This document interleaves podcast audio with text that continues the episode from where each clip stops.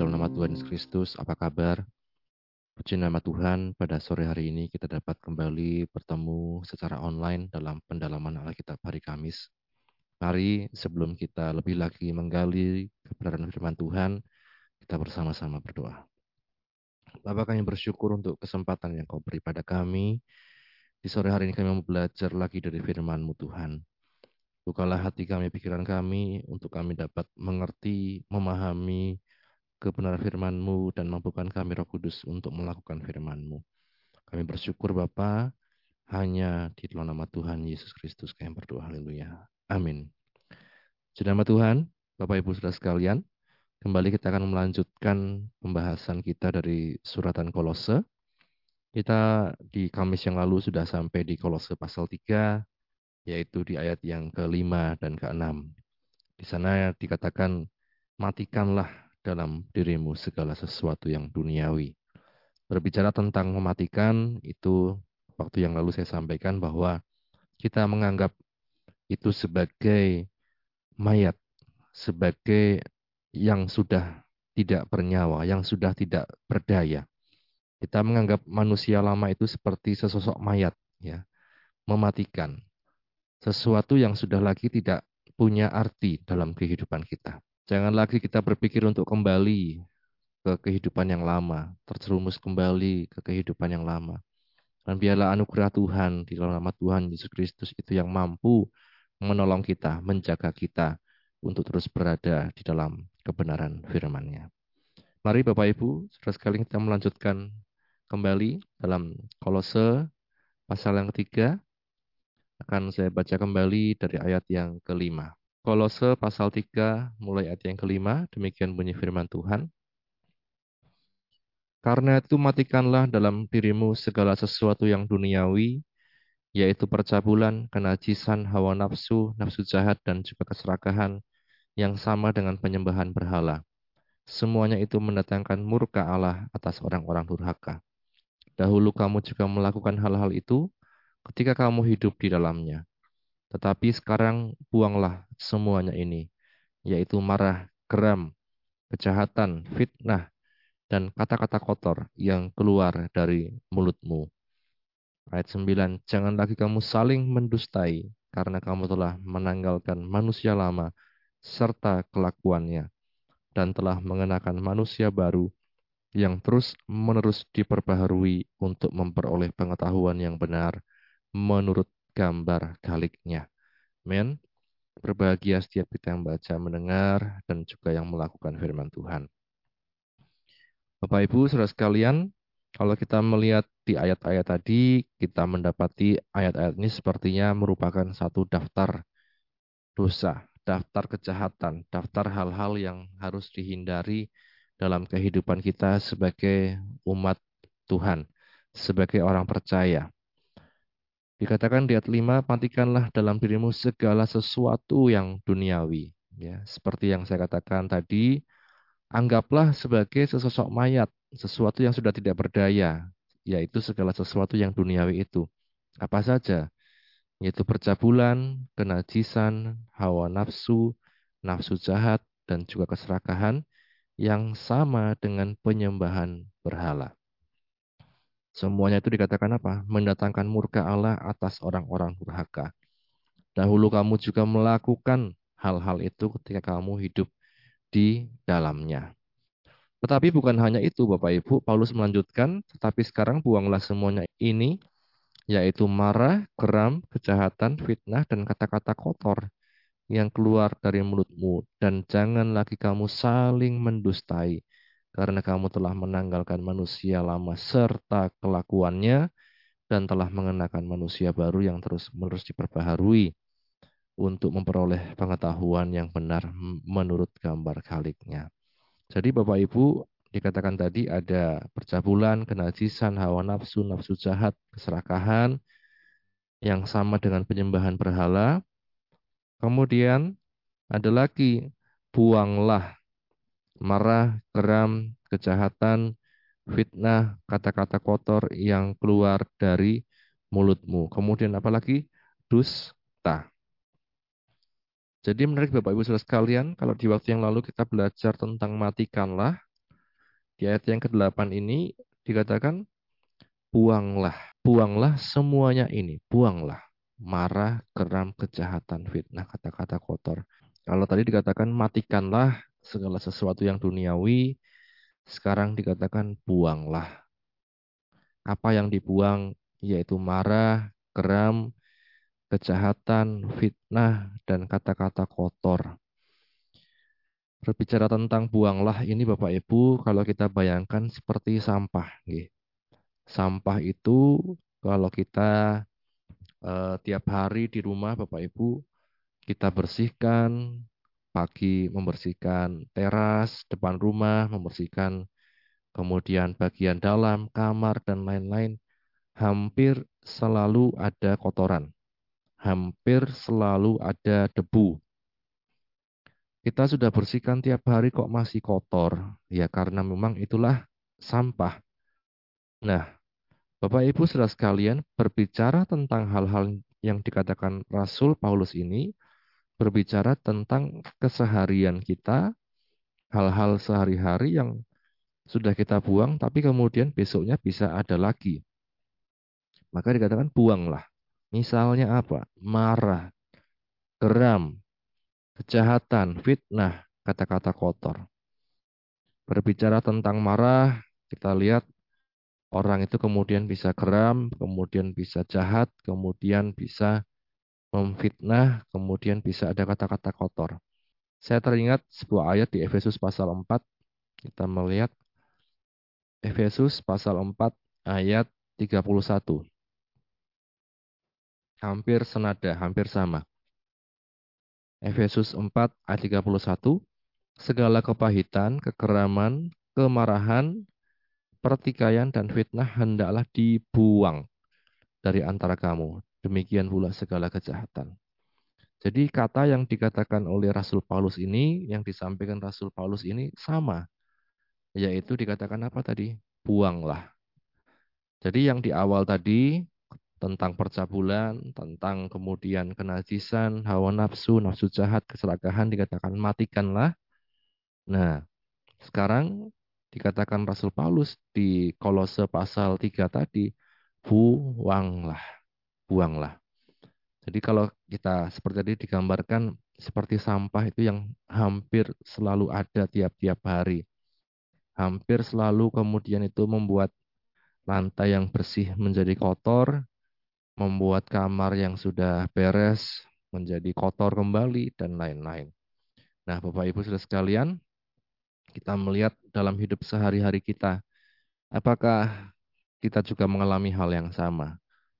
Apakah kita juga mengalami hal-hal yang kita lihat di sini? Ada marah, ada kemudian apa?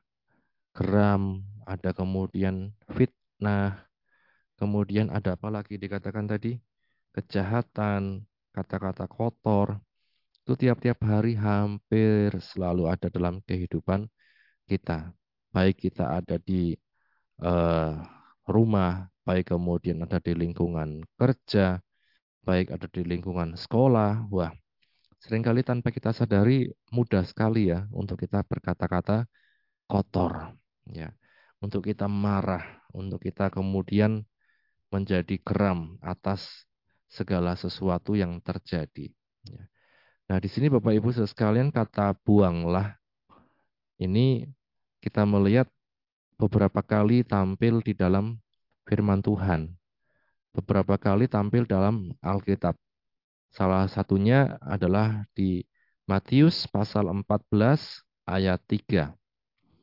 Matius pasal 14 ayat 3 dikatakan Sebab memang Herodes telah menyuruh menangkap Yohanes, membelenggunya, dan memenjarakannya berhubung dengan peristiwa Herodias, istri Filipus saudaranya.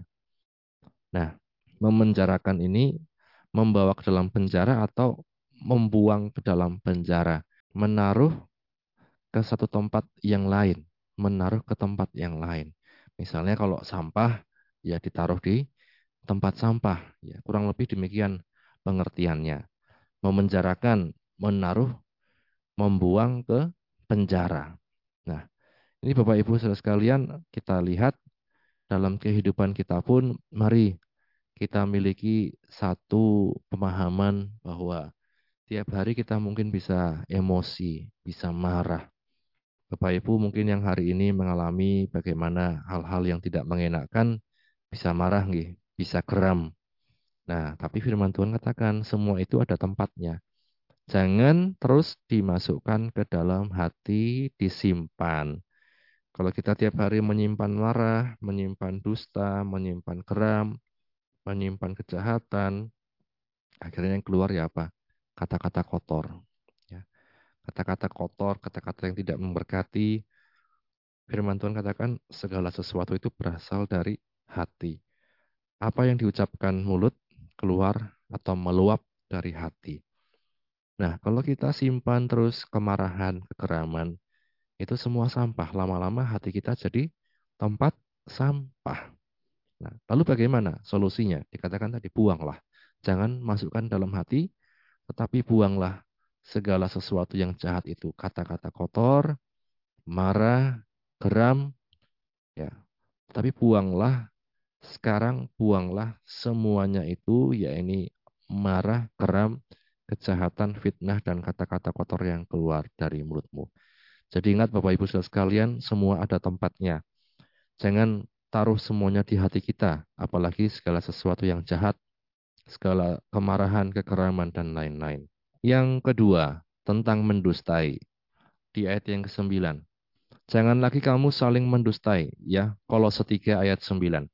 Jangan lagi kamu saling mendustai, karena kamu telah menanggalkan manusia lama serta kelakuannya, dan telah mengenakan manusia baru yang terus-menerus diperbaharui untuk memperoleh pengetahuan yang benar menurut gambar kaliknya. Menarik di sini Bapak Ibu saudara sekalian, saling, kata saling. Jangan lagi kamu saling mendustai. Kamu telah menanggalkan manusia lama serta kelakuannya. Artinya Paulus uh, mendeteksi, Paulus memperkirakan ada jemaat di Kolose yang itu kesehariannya mungkin berdusta satu sama lain. Saling ini bukan hanya satu orang, Bapak Ibu, tapi si A berkata dusta tentang B, B berkata dusta tentang A, akhirnya saling mendustai. Ya. Sebagai hamba Tuhan, sebagai pendeta pun bisa mengalami hal seperti ini yang satu ngomong A, yang satu ngomong B. Akhirnya semuanya berdusta kepada Pak Pendeta misalnya. Karena bohong semua Bapak Ibu, saling mendustai. Padahal firman Tuhan katakan apa? Kamu telah menanggalkan manusia lama serta kelakuannya. Semuanya itu harusnya sudah dibuang, semua itu harusnya sudah dianggap sebagai sampah, dianggap mayat dan telah menanggalkan manusia baru yang terus menerus diperbaharui untuk memperoleh pengetahuan yang benar menurut gambar kaliknya. Tentang menanggalkan di sini Bapak Ibu kata yang dipakai Rasul Paulus sangat menarik yaitu menanggalkan. Berbicara tentang menanggalkan sering kali kita ada hubungannya dengan baju atau jubah di waktu itu. Tanggalkan manusia lama, tanggalkan baju yang lama. Gambarannya seperti pernah saya sampaikan beberapa waktu yang lalu. Menanggalkan itu seperti melepas pakaian yang lama, menanggalkan manusia lama, melepas pakaian yang lama.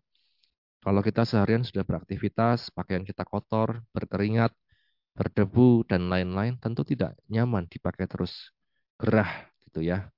Nah, kita ingin tanggalkan, kita ingin mandi. Setelah mandi, Bapak Ibu, apakah kita kemudian pakai lagi pakaian kita yang lama? Apakah kita pakai lagi pakaian yang tadi kita pakai? Kalau itu sudah berkeringat, berdebu, kotor, dan lain-lain. Tentu normalnya tidak. ya Dan telah mengenakan manusia baru yang terus-menerus diperbaharui. Maka gambaran mengenakan ini sangat uh, relate ya berhubungan dengan kehidupan sehari-hari. Bagaimana kita harus setiap hari misalnya ganti baju, tiap hari ada saja baju kotor yang perlu dicuci. Mengenakan manusia baru yang terus-menerus diperbaharui. Untuk apa? Memperoleh pengetahuan yang benar menurut gambar kaliknya. Maka ada satu istilah dalam uh, surat Titus Kita buka bersama-sama di Titus pasal 3 ayat yang keempat. Titus 3 ayat yang keempat.